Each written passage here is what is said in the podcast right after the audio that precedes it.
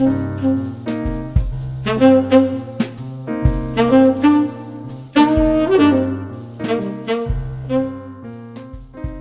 בן צור גדלה בנהריה בתקופה שבה העיר חוותה לא מעט חוויות של אימה.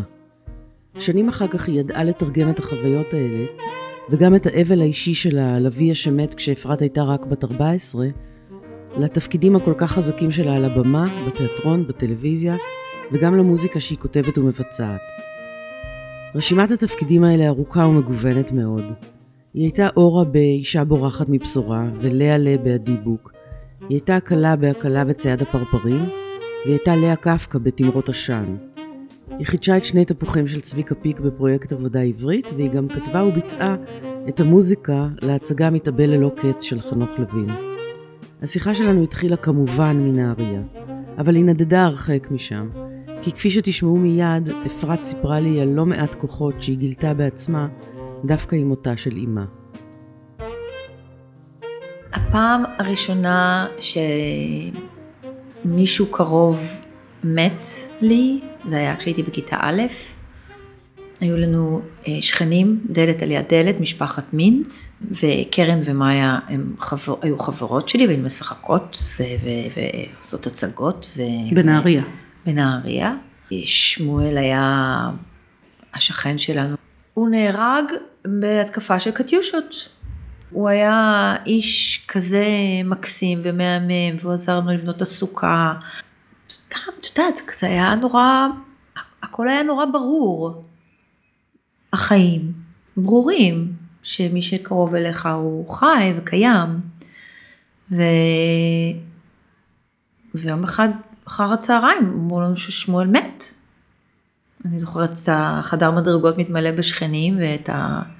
את התחושה האחרת הזאת באוויר, שמשהו נורא קרה עד שאתה מבין שמסברים לך מה קרה. בת כמה היית? הייתי בכיתה א', וזה היה, אני זוכרת שזה היה מין, לא הבנתי בכלל איך זה קורה, מה, איך זה, איך קורה כזה דבר נורא. וזה היו, אלו, אלו היו החיים בנהריה בתקופה הזאת. אה, היינו יורדים הרבה למקלטים, והיו מלחמות, והיו מבצעים, והייתה התקפת מחבלים. ו, ואני זוכרת את הלילה הזה, זאת אומרת זה משהו שמאוד אה, ליווה את, ה, את כל הילדות. וגם, כל הזמן זה היה בחדשות עם כל ו, מיני דברים. וגם המעלות והבית ספר הזה, ש... זה סיפורי אימה כאלה שמצד אחד חיינו חיים הכי נעימים והיינו הולכות לים וגולשות אה, על גלשן ו... והולכות, אה, והולכת לבלט, ושיעורי פסנתר, והכל רגיל, כן? וגם, את, את יודעת, לצד הפסטורליות הזו, ממש כמו איזה מוזיקת רפאים כזאת, שכל הזמן מתנגנת לצד השמש והציפורים. אה, ואז שומעים על עוד אנשים שמכירים ומתים? כן, אבל, אבל זה היה המפגש המאוד קרוב הראשון בתור ילדה. אבל את יודעת, אנחנו, אני זוכרת שאנחנו הולכים לים ו, ו, וצועקים לנו לצאת מהמים, ילדה, תרותי.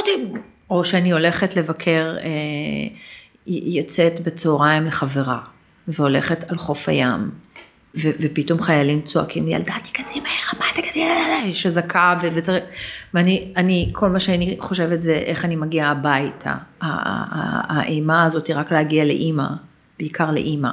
גם כן. אבא היה, אבל אימא, זה, זה, זה הדבר. ואז מאוד קרוב לזמן הזה, אני עוד לא ידעתי, כשהייתי בת שבע, אבא שלי חלה בסרטן. אז בכיתה א' הייתי בת שש, אבל אני חושבת שסיפרו לי את זה אולי, כשהייתי שבע וחצי, שמונה, והוא היה חולה הרבה שנים. אה, בצורה ששיתקה אותו לבית, ריתקה אותו לבית? כן, כן. זאת אומרת, בהתחלה הוא עבד, וגם היו עליות וירידות בתוך המחלה.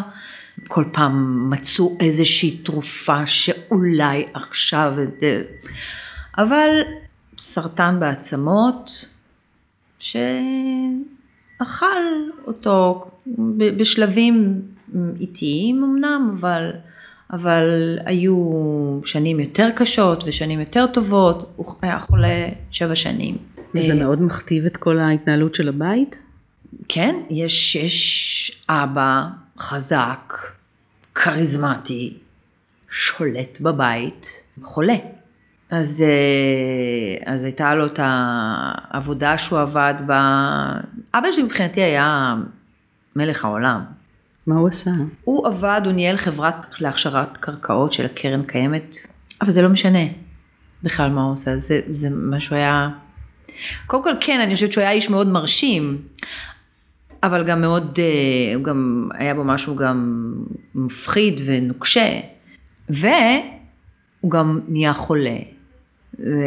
היה לו מלא הומור, ותמיד שבנו והקשבנו לו, אבל המחלה גם בלבלה, כי, כי, כי יש פה מישהו שהוא חזק, אבל הוא חלש. כשאני מנסה לדבר על זה, על איך זה היה, אני רואה שאני, שזה כאילו קשה לי, זה לא שאני לא זוכרת המון פרטים, אני זוכרת המון דברים ואירועים ופרטים, אבל יש לי יותר זיכרון של תחושה, ואני מרגישה שעם התחושה הזאת אני מאוד הולכת בתוכי, שהיא, שאני עדיין מאבדת אותה, עדיין אני כמו צריכה לתת לה כל הזמן איזה שהם חיים לתחושה הזאת, כדי שזה לא, כי, כי, כי זה כאב שאם הוא נשאר רק ככאב, זה חוסם, זה סותם, זה, זה מכביד נורא. אז מה יש בתחושה הזאת חוץ מהכאב? אז, אז, אז אני חושבת שמה שאני עושה, אפילו התפקידים שאני עושה, אני נותנת לתחושה הזאת איזה מרחב אחר, נותנת לזה איזה תנועה, נותנת לזה חיים אפילו חדשים. המפגש עם, לא יודעת, סתם, אני חושבת על לאה לבדיבוק, שדווקא זה היה מפגש, הזמן שעשינו חזרות היה כשאימא שלי נפטרה. וזה היה בגיל אחר לגמרי. כן.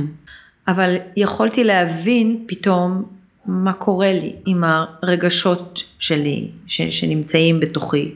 אני חוזרת רגע לאבא שלי, לדבר הזה ש, שבחוץ הייתה אימה, והים הזה, וה, וה, והחורף הזה, והקרבה הזאת לים תמיד גם הפחידה כי מצד אחד הים זה כזה מקום לשבת על, על שפת הים ולהסתכל, או לילדים זה כזה הכי כיף, fun, אבל היו מלא חדירות של מחבלים דרך הים. וידענו את זה, סיפרו לנו את זה, אה, שמגיעים בסירות גומי, שחורים כאלה, והכל שחור, וזה לילה, וזה כל כך, אה, זה היה כל כך מפחיד תמיד. מי סיפר לכם? דיברו על זה גם בבית ספר? כל הזמן או... דיברו על זה, את יודעת, כי, כי, כי, כי היה את המקרה של סמדר הרן למשל, ואת היריות האלה בלילה, ו, ו, ואמרו לנו להישאר במיטה ולא לצאת וזה, ודיברו בטלפון עם השכנים שזה היה על ידם, וזה הכל, הכל כזה, הכל על יד, הכל מצד אחד, וואו, זה סרט מתח שאני חיה בו. יש אקשן, אבל זה אקשן, אה, זה הדבר הכי, זה... אי אפשר לעכל את זה אף פעם, את הסיפורים האלה. אני לא, אני, אני אומרת, יש את סמדר הרן, שזה בשבילה, אבל, אבל, אבל אני אומרת, התיאורים שרצו לפנינו ומה שסיפרו לנו ואיך שזה נשאר בדמיון, וזה גם כן מתחבר לי למוזיקה, וזה מתחבר לי לשירים של, של, של הזמן ולסדרת טלוויזיה שהייתי רואה, זה דנקת גבהים למשל, שאחותי הייתה מפחידה אותי תמיד עם, עם המוזיקת אה, פתיחה של הסדרה. כל כאילו אימה באימה באימה, ובבית יש את האבא שאתה לא יודע אם הוא יחיה או ימות, יחיה או ימות. זה אמרו לכם במפורש? שאבא חולה ושיש אפשרות כזאת בכלל שהוא ימות? זה לא משהו שאומרים, זה משהו שהוא ברור, כי אתה רואה בן אדם שהוא לפעמים בבית חולים וחוזר, וכדורים, ואני נותנת לו את הכדורים, ואימא נותנת לו את הכדורים. אחד כאילו, ולפעמים הולכים לבית חולים ונמצאים על ידו שעות על גבי שעות, ויש אירועים בבית, לא יודעת, אחרי טיפולים של כימותרפיה, אז, אז את יודעת, זה, זה, זה גם אם לא אומרים ש... אתה, אתה מרגיש. יכול להיות שזה, שימצאו לזה תרופה, ויכול להיות שלא. אני שואלת בגלל שהיו אנשים שדיברתי איתם על זה ושאמרו שבילדות אה, אמרו להם לא הכל יהיה בסדר הכל יהיה בסדר ואז היה הלם כפול כשזה לא היה בסדר. אני לא זוכרת שאמרו לנו שהכל יהיה בסדר אבל אני כן זוכרת שהיו המון פעמים של, של מצאו תרופה. ויש את הרופא ההוא מאמריקה שמביא את התרופה, איזה מין שם כזה, כמו פרח לב הזהב, אז, אז עכשיו יש מרוץ להשיג את התרופה, וברגע שאבא יקבל את הטיפול, והתרופה השפיעה, וזה עוזר, אבל אז פתאום הסרטן מסרטן העצמות עובר לדם. כל מיני כאלה עליות, ירידות, אבל בסך הכל המסלול היה די, די לכיוון סוף. איטי מאוד, הוא נלחם מאוד, אבל והיו בכל השנים האלה גם דברים רגילים של ילדות? כן, אבל זה תמיד לא היה רגיל בשבילי, עם אבא שלי. אף פעם לא היה רגיל. קודם כל אני חושבת שהוא לא היה רגיל. הייתה לו איזו נוכחות כזאת שצריך להתנהג בצורה מסוימת קודם כל. אז, וגם נורא אהבתי אותו. אמרת קודם שהוא היה מלך העולם. כן, אני, אני, יש את הסיפור הזה שנסענו לכנרת. הייתה תקופה של קזבלן עם יורם גאון, mm-hmm. הרצתי את יורם גאון, גם קצת היה דומה לאבא. ו, ונסענו לכנרת, ובדיוק יורם גאון היה שם באירוסים אה, עם, עם האישה שלו אז. וחוץ מזה שנגנבתי מזה שראיתי את יורם גאון, הדבר הראשון שאמרתי לו זה שאבא שלי פה. כאילו... יש לך הזדמנות להכיר את מלך העולם. כן.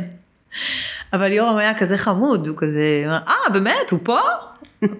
אז אה, כן, אז, אז אתה רוצה לבוא להגיד לו שלום, והוא בא, ואז בשביל נהריאנית לראות פתאום את אה, יורם גאון זה גם היה כזה מין, וואו. אז אני אומרת, אבא שלי היה באמת איזה מין, כן, איש מהמם כזה, אבל, גם, אבל גם מלחיץ. נורא אהבנו לנסוע לים, לכנרת, הוא היה איש של המון חיים. של מסיבות בבית, של, אה, של אה, לארח המון חברים, לארח המון אנשים, זה, זה היה שלו, הרבה יותר מאשר של אימא שלי.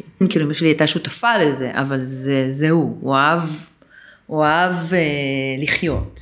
לאט לאט החיים האלה נהיו פחות כאלה חופשיים, אז היינו נוסעים לים, אבל היה צריך לעזור לו ללכת ולקחת ולמרוח ולשמור לו, כאילו רק התחושה של ההשתתפות בזה שאני מורחת לו אה, קרם הגנה, זה, זה רק כמו להשתתף באיזה משהו שאני דואגת לך, אני, אני רוצה לשמור עליך. ואז כשהייתי בת 14, הוא נפל, פשוט נפל בסלון, ו... נכנס לבית חולים, וזהו, ומאז בעצם הוא לא יצא. כמה זמן הוא היה שם? אני לא זוכרת, אני לא יודעת להגיד. זה היה איזה...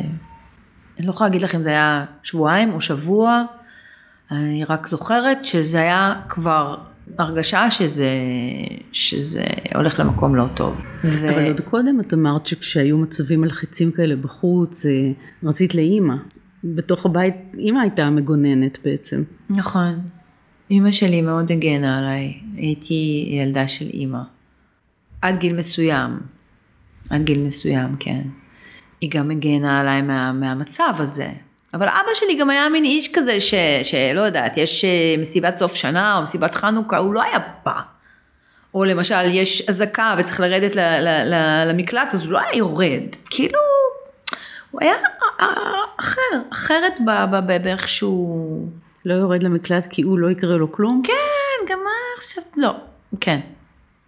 וגם, וגם אה, לא ממהר לבוא לראות, אה, לא יודעת מה זה אומר. אם הוא היה אבא היום הוא בטח היה מגיע. כן, רציתי להגיד שזה לפני אי אלו עשרות שנים. כן, נכון. וראינו פחות אבאים במסיבות בבית ספר.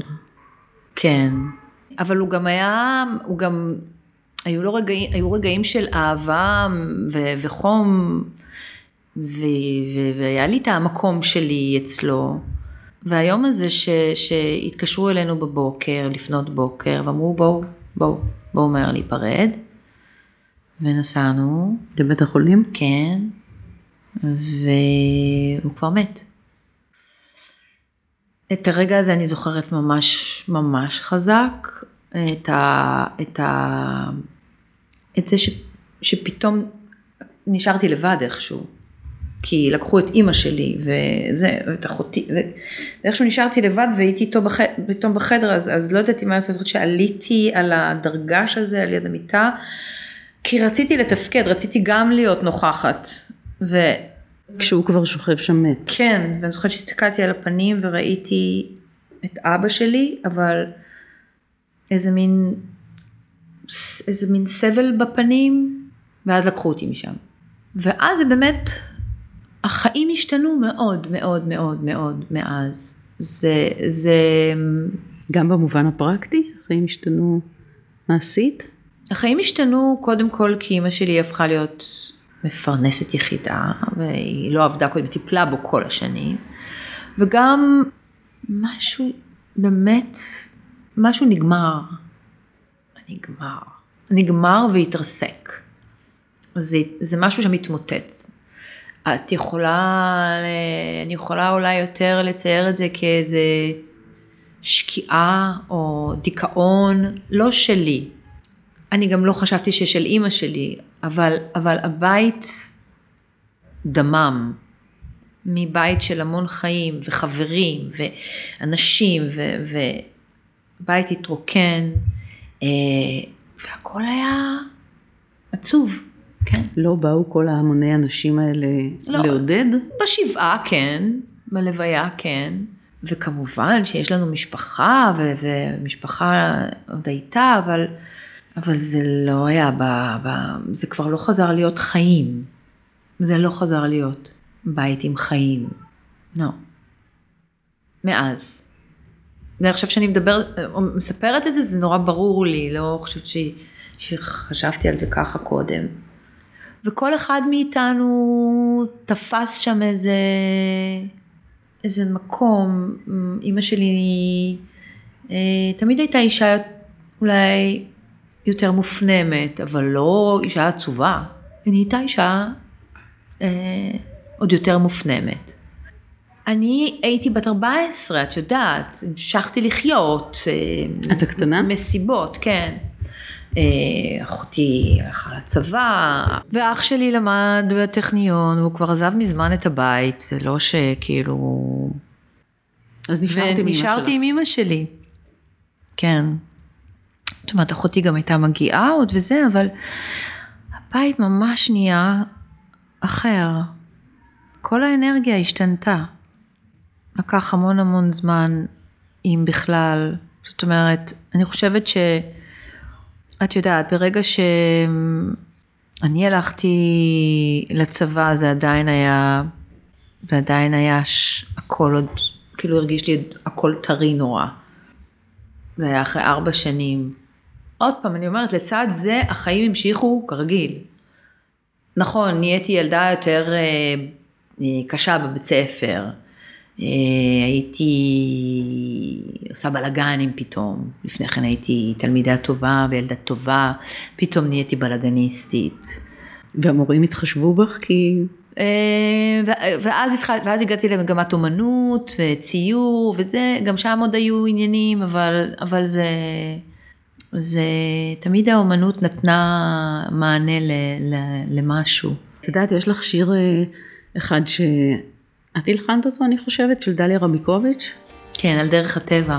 למה חשבתי עליו עכשיו פתאום? בגלל שאת ילדה בת 14 שאבא שלה מת, והשיר הזה כאילו, מה זאת אומרת? כאילו, מה קרה עכשיו? איך זה יכול להיות דבר כזה שהיה מישהו והוא איננו?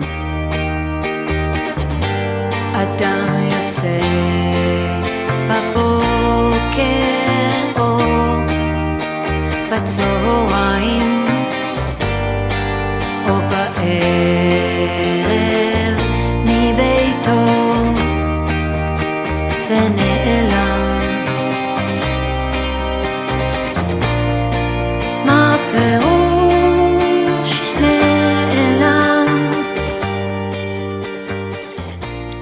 הטקסט הזה הגעתי אליו אחרי שאימא שלי נפטרה.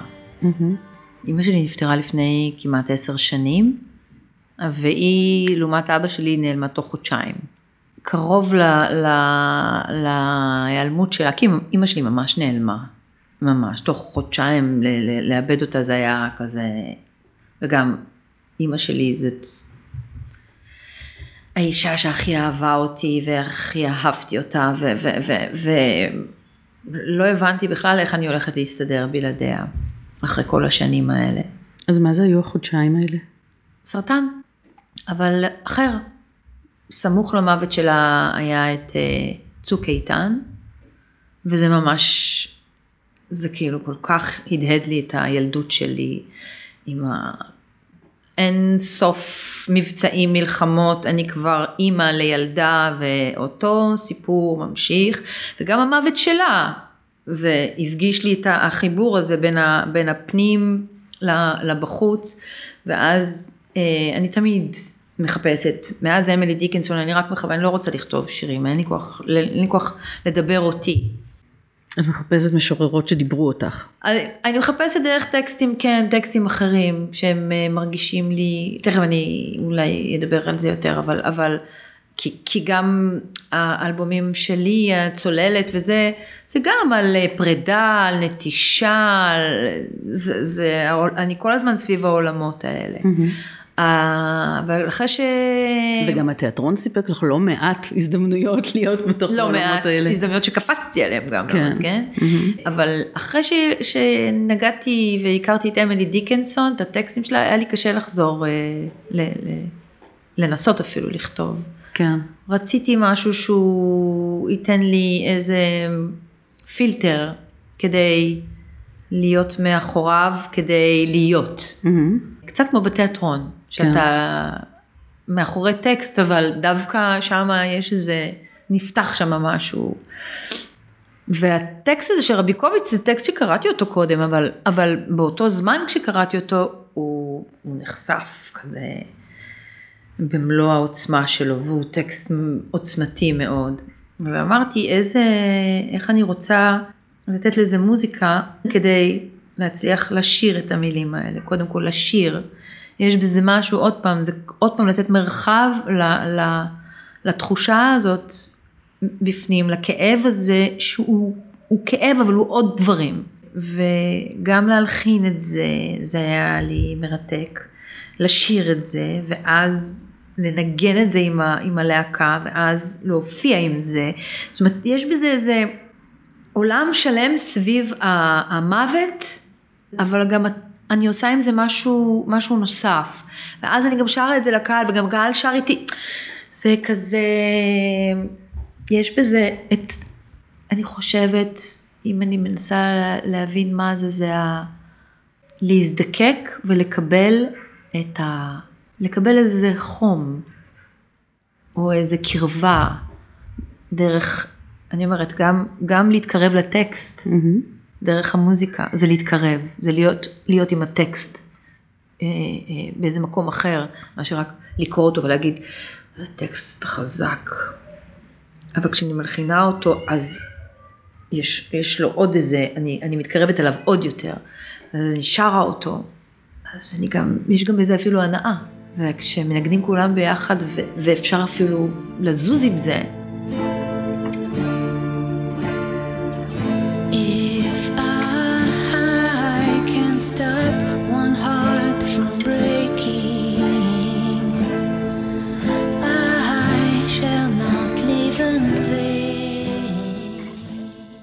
אז זה נורא מעניין הדבר הזה, סביב הכאב והעצב, וברגע שאתה נותן לזה איזה מרחב, זה נפתח לעוד, לעוד ערוצים, לעוד חלקים, ואפילו מקבל, וזה מקבל גם חיים חדשים. אבל אני גררתי אותך לטקסט הזה של רביקוביץ' כשאת עוד דיברת על אבא שלך, כי תהיתי ילדה בת 14, איך היא מבינה את הריק הזה פתאום. אני לא חושבת שאני מבינה את הריק הזה.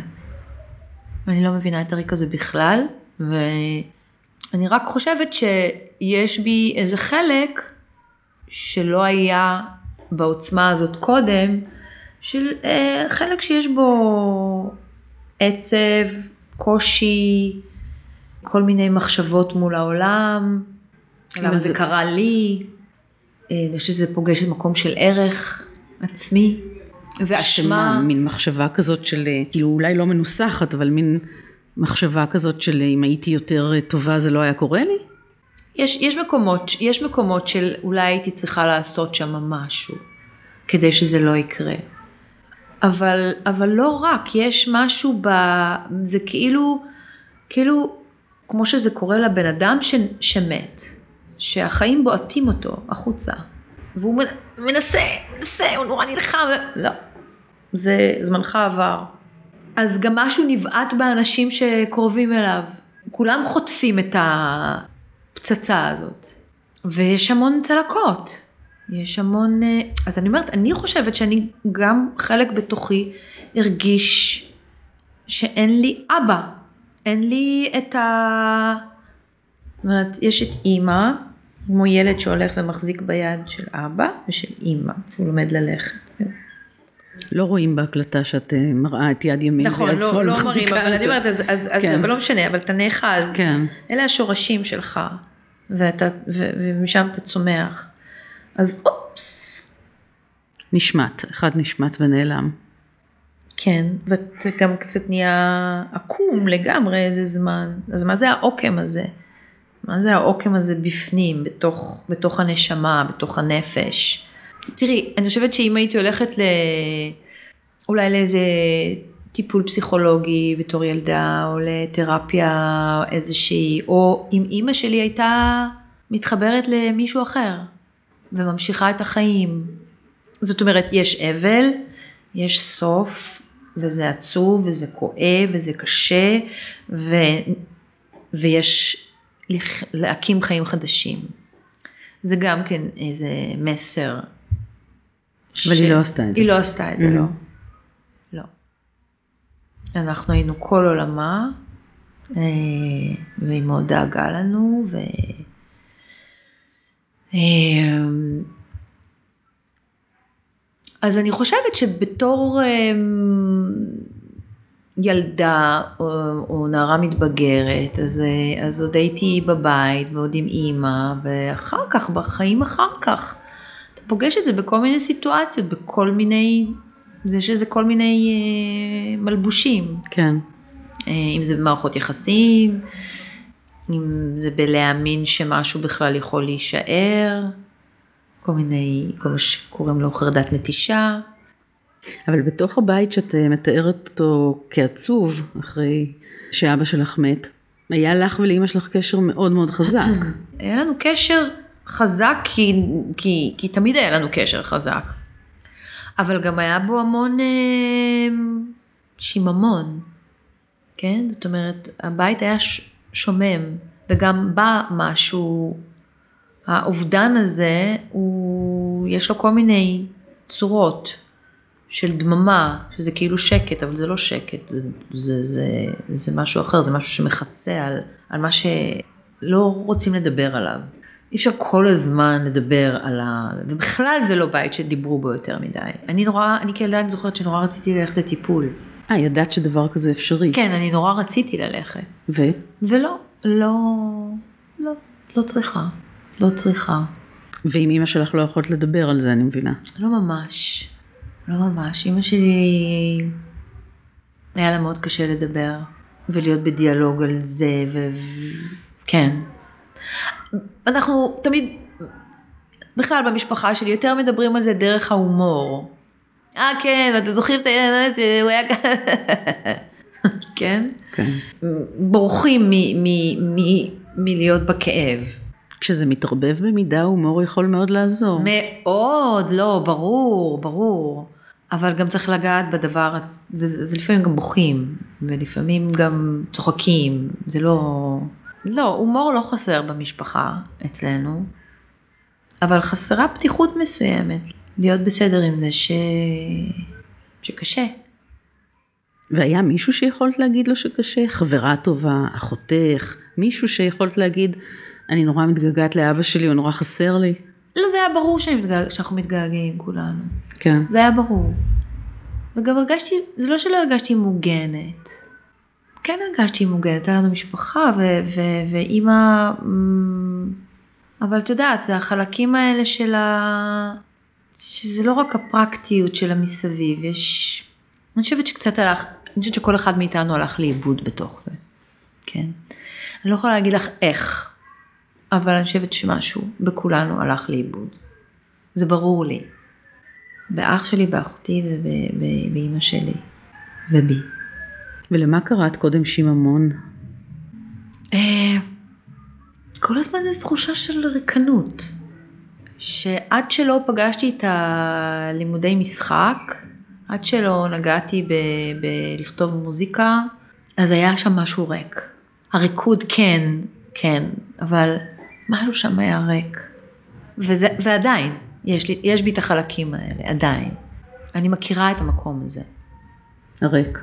כן. אני מאוד דואגת למלא אותו, אבל הוא ישנו, גם אי אפשר שהוא לא גם יהיה. אה, אולי, אולי זה, זה הדבר שאני הכי מחפשת, הכי לשנות בחיים שלי. אבל תמיד יש עוד עבודה, תמיד יש עוד מה לעשות, וגם יש דברים שאי אפשר לשנות. את לא מכסה את המקום הריק הזה רק בכל מיני הסחות דעת. את ב- לא, לא, לא, זה באומנות- בכלל לא בהסחות דעת. את באומנות שלך מטפלת הרבה מאוד בדברים האלה של ל- הכאב והאבל וה... כן, כן, כן, הסחות דעת זה לא, אני לא קונה את זה. לא, רק דרך הדבר הזה, אבל, אבל יש גם את המציאות. ודווקא כשאני פוגשת את המציאות, שם אני מרגישה את זה. ותמיד אני מתחמקת מהמציאות לתוך העבודה שלי, שאני שמחה כל כך ש, שאני, שיש לי את זה, ממה במציאות ויש את הילדה מתחמקת? שלי, שזה... נו, אבל הילדה שלך זה ממש, זה המציאות. נכון, זה חיים, חיים מלאים, ש... זה באמת, זה, זה אושר וזה שמחה וזה, וזה החיים. ועדיין, יש את החלק הזה, יש אותו, וזה, אנחנו קונסולה עם מלא ערוצים, ואת יודעת, אמרת לי קודם שאת מדברת הרבה על יתמות ועל אה, מוות וזה בהופעות שלך. תראי, בין השירים, אה, כאילו, אה, לא כאילו, בין השירים שיש בהם התעסקות במוות ובנטישה, אני אה, אוהבת לפטפט עם הקהל ו- וקצת לתת לזה גם את החלק ה... הפחות כבד, למרות שאני בכלל הייתי רוצה לא לדבר בהופעות, כן? אבל, אבל איכשהו גם יש בי את החלק הזה שרוצה לדבר, שרוצה לתקשר, וזה בדרך כלל דרך הומור. כאילו נגיד אני אומרת, אומרת, מספרת איך הלחנתי את בי של אמילי דיקנסון. זה היה לילה סוער אה, בדירה שלי בתל אביב, וה- והיו רוחות בחלון, וניגשתי החוצה, והסתכלתי אל הלילה, ונזכרתי בילדות שלי בנהריה, שנורא אהבתי להסתכל, אה, אה, לעמוד, לעמוד בחלון בסלון, ולהקשיב לרוח, ולגשם. בבית היה נעים וחם. הייתי מסתכלת החוצה, ולפעמים גם, לפעמים גם מחבלים היו רצים למטה, לפעמים היו גם יריות, אבל בסך הכל היה מאוד, אה, מאוד, מאוד נעים. ועכשיו, ויום אחד עשיתי את זה, לפעמים אה, מחבלים היו רצים למטה, לפעמים היו גם יריות. כל מיני שטויות כאלה. אמ, מה זה איזשהו אמ, מכשיר הקלטה עם אפקטים מוכנים? כן, אבל בסך הכל, אבל בסך הכל היה ממש נעים. סתם, אבל זה באמת, באמת איזה שטות שהבת שלי קנתה, זה sound machine, ויש בזה סאונדים כל כך מצחיקים. אז אני אומרת, זה באמת יותר בשביל להקליל, לא בשביל עכשיו לגרום לאנשים... אה, לא, אני לא, אני לא רוצה שיהיה כבד ועצוב. יש את זה במוזיקה, והמוזיקה נותנת לך הרגשה אחרת בתוך זה. אפשר להתמסר לזה מעוד מקומות. זה עוד פעם הדבר הזה שאני מתארת אותו כל הזמן, החלל האחר. שיש את החלל, והוא יכול להיות תהום, והוא יכול להיות גם משהו שהתהום, הדבר הזה הוא גם, גם מחבק אותך, גם מכיל איזה משהו. ולא מתחשק לך לכתוב את זה במילים שלך? כתבתי בצוללת, ובאלבום השני, ודי, לא יכולתי יותר לכתוב, זה כמו להסתכל על עצמך במראה. זה הפסיק להיות לי באמת מעניין. יכול להיות שאני גם מתחמקת מאיזה, מאיזה עבודה קשה. כי הרי אנשים שכותבים, לא, זה לא, כל יום, קמים בבוקר, או לא יודעת באיזה שעה, ו- ו- וחוצבים. כן. ויכול להיות שאין לי כל כך סבלנות לחציבה הזאת. ואולי מתישהו כן, זה, זה יחזור. אני שמה לב שאחרי אמילי דיקנסון ממש נדבקתי לרביקוביץ'. אני ממשיכה, אה, אה, אה, ממשיכה איתה. יש לי עכשיו הופעה בקרוב ואני הולכת להשמיע שם איזה שלושה קטעים חדשים וזה טקסטים שלה. איזה טקסטים? אבל לא, את לא באמת רוצה עכשיו שאני אכנס לזה, כי זה אה, שירי זעם של נשים על גברים. וגם ה... ב- ברביקוביץ' יש איזה חלק, יש לה, יש לה את הדבר הזה מעבר לזה שהיא גאונה באיך שהיא משוררת, אבל יש לה מצד אחד שפה גבוהה וחגיגית ומצד שני יומיומית, נותנת איזה גודל, מאפשרת איזה גודל, והיא גם יכולה להיות מאוד חלשה בכאב שלה, אבל גם חריפה וחד משמעית וזועמת. זה, זה, זה, זה נורא, נורא חזק הדבר הזה, שזה זה מין משהו מפורק לגמרי, אבל משהו שהוא מאוד, זאת מפחידה כמעט. כן. באמת, כאילו, יש, יש לה את השיר הזה, מדע, אה, תפרו לך בגד מאש. הד- ה- יש בה איזה משהו משם, מה, מהטרגדיות האלה. כן. אה, מתבקש לשאול איך עוד לא הלחנתי יונה וולך. אני לא הלחנתי יונה וולך, אבל שרתי יונה וולך, את גם הים נסוג, עם לחן של אביתר, זה היה דו, דואט, ואני אוהבת יונה וולך, אבל יודעת, משהו ב, ב, בדליה, כרגע זה, זה, ש- זה לא כרגע, זה כבר הרבה זמן, שמה. את הכרת אותה כשהיא עוד הייתה בחיים? לא, לא הכרתי אותה, אבל uh, ראיתי הרבה ראיונות איתה. הסיפור שלה, שהתייתמה בגיל מאוד uh, צעיר מאבא, והייתה בקיבוץ. לא, אני לא חושבת, חוץ מזה שיש איזה, ההתייתמות הזאת בגיל צעיר.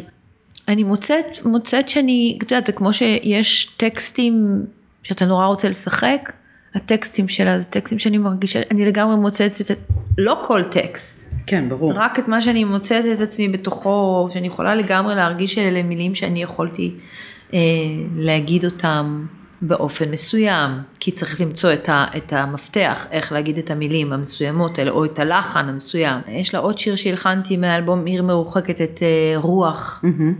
מן הערים צועק, הוא עומד בחלון. אז הדבר הזה, הסיוט הזה, האימה הזאת, הדמיון הזה שבחושך יש שם איזה מישהו, משהו, כל הדבר הזה זה נורא, נורא העולם, עולם הילדות שלי.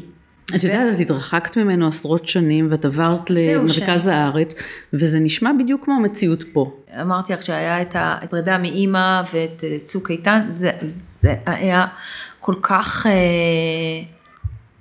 עצוב, טרגי, שוקינג, כאילו, אתה אומר, איזה מקום, באיזה מקום אנחנו חיים, כל כך, אה, כל כך קשה ופגוע. אימא שלך שהסתלקה בתוך חודשיים, כמו שאמרת, אה, זה כבר היית בת כמה? אימא שלי נפטרה כשהייתי בת 45. וכבר היית אימא בעצמך. כן. וזה בטח היה אחר לגמרי. אני, אני אומרת שאני לא, לא הבנתי איך אני הולכת להתמודד עם החיים אם אמא שלי תיעלם. אה, ואני מניחה שאת לא מתכוונת לפן הפרקטי, כי כבר מזמן גרת. כי אני לא פרקטית. אה, אבל אני באמת, אני מעולם לא, לא נהייתי, את- לא, אני לא בן אדם פרקטי, אני לא, היא הייתה ואני לא, ולא נהייתי גם. לא נהייתי, זה גם כן סיפור בפני עצמו. לא נהייתי פרקטית, זה, זה, לא משנה. אבל, אבל, אה, לא, זה בסדר, זה מתאים לאיזה תדמית של אה, אומנית מיוסרת ומעופפת. אני לא מיוסרת.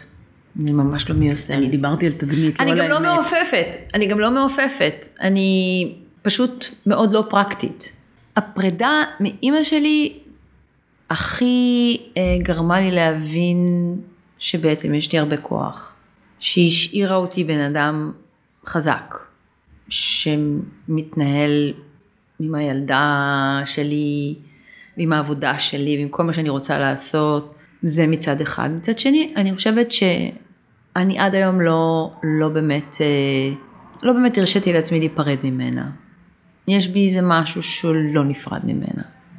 זאת אומרת, אתה יכול להגיד את זה בסדר, המ- המתים שלנו חיים בתוכנו, ו, וזאת הדרך שלנו להשאיר אותם איתנו. אבל אני חושבת שזה משהו אחר. כי... את אימא דומה לאימא שהיא הייתה? לא, כי היא הייתה מאוד פרקטית. אה, אולי, אה, את, את יודעת, אני, אני מאוד אימא ואני, ואני מאוד נוכחת, ו... אבל לא, זה מאוד לא דומה. אני חושבת שזה מאוד לא דומה, כי יש בלאגן בבית, ואימא שלי הייתה אישה מאוד מסודרת, מאוד מקפידה על ניקיון ועל סדר, משהו כזה, מהקיבוץ. הייתה בשלנית מדהימה, מדהימה. איזה כיף זה היה תמיד לבוא הביתה ולאכול את האוכל שלה. אז אי אפשר להגיד את זה עליי. לך יש וולט. אפשר להביא אוכל טוב מוולט. נכון, יהיה- כן, אבל זה, זה, זה, זה לכולם יש. איזה כוחות גילית בעצמך? פתאום כשהיא לא הייתה. לא, אני אמרתי, אה, את יודעת, כאילו, כל הדבר הזה, לנהל, לנהל את החיים שלי לבד, אה, ולהיות אימא לאנה לבד, נכון, יש לה אבא, אבל זה עדיין, זה, זה אימא שלך הייתה מעורבת בכל הדברים האלה קודם? כן, ב... היא נפטרה כשאנה הייתה בת אה, שלוש וחצי.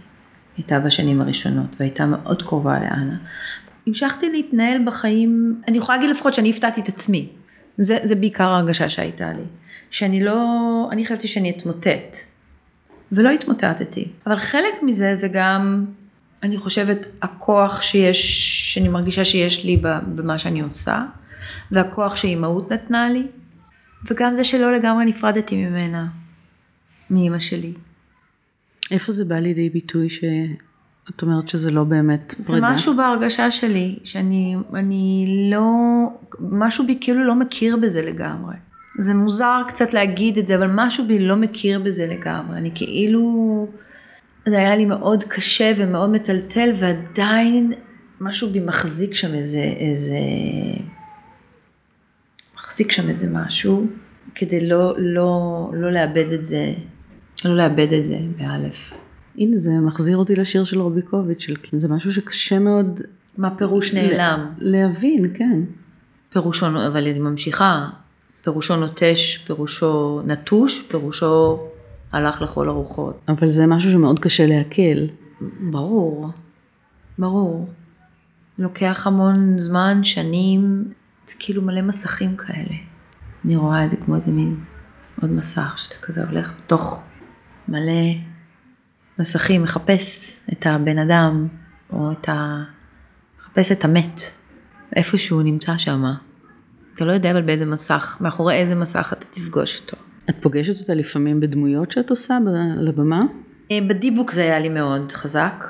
מיד אחרי שהיא נפטרה, כמה, כמה חודשים אחר כך התחלנו חזרות לדיבוק.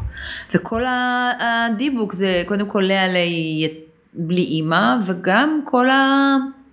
הדבר הזה של, של ההתעסקות של החומר זה, זה בנשמות, ב, ב, בעולם ש, שכאן, בעולם שלמעלה, ו... את מאמינה בדברים האלה? לא. זאת אומרת, בתור ילדה, היו לי אמונות אחרות. וכשאימא שלי נפטרה, אה, ראיתי שהמבט שלי הוא מאוד, אה, אין, אין, לא, אין כלום אחר כך, זה לא שיש עוד גלגולים. אבל כשלפעמים אני ככה אומרת שאולי בכל זאת יש איזה גלגול או שניים. כי זה לא יכול להיות ש... זו מחשבה מאוד מנחמת, אם יש. לא, זה לא יכול להיות שכל הדבר הזה בסוף כלום. אבל, אה, אבל גם כלום. כן. כשקראתי כל מיני רעיונות איתך, אז, אה, אז אמרת שבאיזשהו שלב, בגלל שבאמת גדלת עם אה, תודעה כזאת שאין לך אבא ו, וזה, אז שמהבחינה הזאת, יבגני אריה היה בשב- בשבילך מין דבר כזה. אבא, לפחות מבחינה מקצועית, או סוג של... אה, יבגני אריה לגמרי מבחינה מקצועית, זה My father in art, אמרה פעם קטיה, דרמטורגית בתיאטרון. אני לגמרי מחברת את אריה לאיזה המשך בחיים הבוגרים שלי, של איזה מישהו שהתייחסתי אליו, שהתייחס אליי אולי גם, כמו אל איזה בת. אני שואלת את זה בגלל שנאלץ להיפרד גם ממנו עכשיו. נכון, ו- וזה באמת פרידה מאוד כואבת. היו לנו יחסים של, עבדנו ביחד 25 שנה. אה, הגעתי כשחקנית צעירה לתיאטרון, לא כזאת צעירה, אבל צ- שם התחלתי את הדרך שלי, הייתי שנה בקאמרי אחרי בית ספר ואז הגעתי לשם, וכל מה שלמדתי על תיאטרון ועל, ועל במה ועל תפאורות ועל מוזיקה ועל חיבורים ועל איך ליצור סיטואציה על במה ואיך לגעת באמת במקומו, כל הדבר הזה, זה למדתי ממנו, אז קודם כל קיבלתי מהאיש הזה כל כך הרבה, זה מפגש מאוד מאוד עוצמתי, וגם הוא נתן לי תפקידים מדהימים, שיכולתי להיות בתוכם כל מה ש... כל מה שחלמתי, גם, גם הדמויות וגם לצקת לתוכם את כל מה שהייתי צריכה. כן. האובדן, הוא גם נעלם תוך חודשיים, יבגני. הוא פשוט נעלם. גם הוא לא, לא היה בארץ. ואני חושבת עליו המון, ואני אני משחקת בהצגות שלו עדיין. הוא מאוד נוכח בהצגות, הוא בכלל נוכח מאוד בחיים של הלהקה. כן. אה, יבגני ככה, ויבגני אומר ככה, ואת יודעת, כל ה... כל ה איך הוא מתייחס, והחיקויים שלנו אותו. והרבה פעמים אני כזה חושבת, מה אני עושה עם כל הדבר הזה שהוא נתן לי? לנו. זה כמו שאמרתי קודם, איך לא משאירים את זה כזיכרון, אלא משהו חי, אלא משהו שיש לו תנועה, אלא משהו שהוא, שהוא בורא דבר, דבר חדש. אז בסדר, אנחנו ממשיכים לשחק, ממשיכים לעשות הצגות, די, זה כאילו איזו ירושה כזאת שקיבלת, איזה צורך להישאר עוד קרוב לאיש אה, ולמה שהוא נתן, למה שהוא נתן לנו. ובמובן הזה הלהקה כולה זה משהו שאתם מצליחים לנחם אחד את השני בהיעדר שלו? אנחנו קצת אה, אחים לאותה משפחה, כן, יש, יש את הדבר הזה. יש כאלה שהיו קרובים יותר, קרובים פחות, יש כאלה שזה... אבל, אבל לגמרי, לגמרי. כן. תודה רבה לך. תודה לך ש, שפשוט הפגשת אותי מחדש. אה, לא, זה, זה, זה קטע, כי זה באמת משהו נורא נורא אישי ואינטימי וחשוף, אבל זה בפודקאסט שלך, אז זה כאילו נראה לי בסדר. לא, באמת, זה כמו איזה מין שיש ארון, יש בפנים איזה מגירה כזאת, פותח אותה, זה לא עכשיו... אה, אז תודה שהסכמתי אה, לשתף פעולה עם המגירה שלי. אני יכולה לאכול כבר ביסלי? את יכולה לאכול ביסלי. אה, אבל את מבינה את הקושי או ש... בהחלט. כן. כן, זה לגמרי כזה.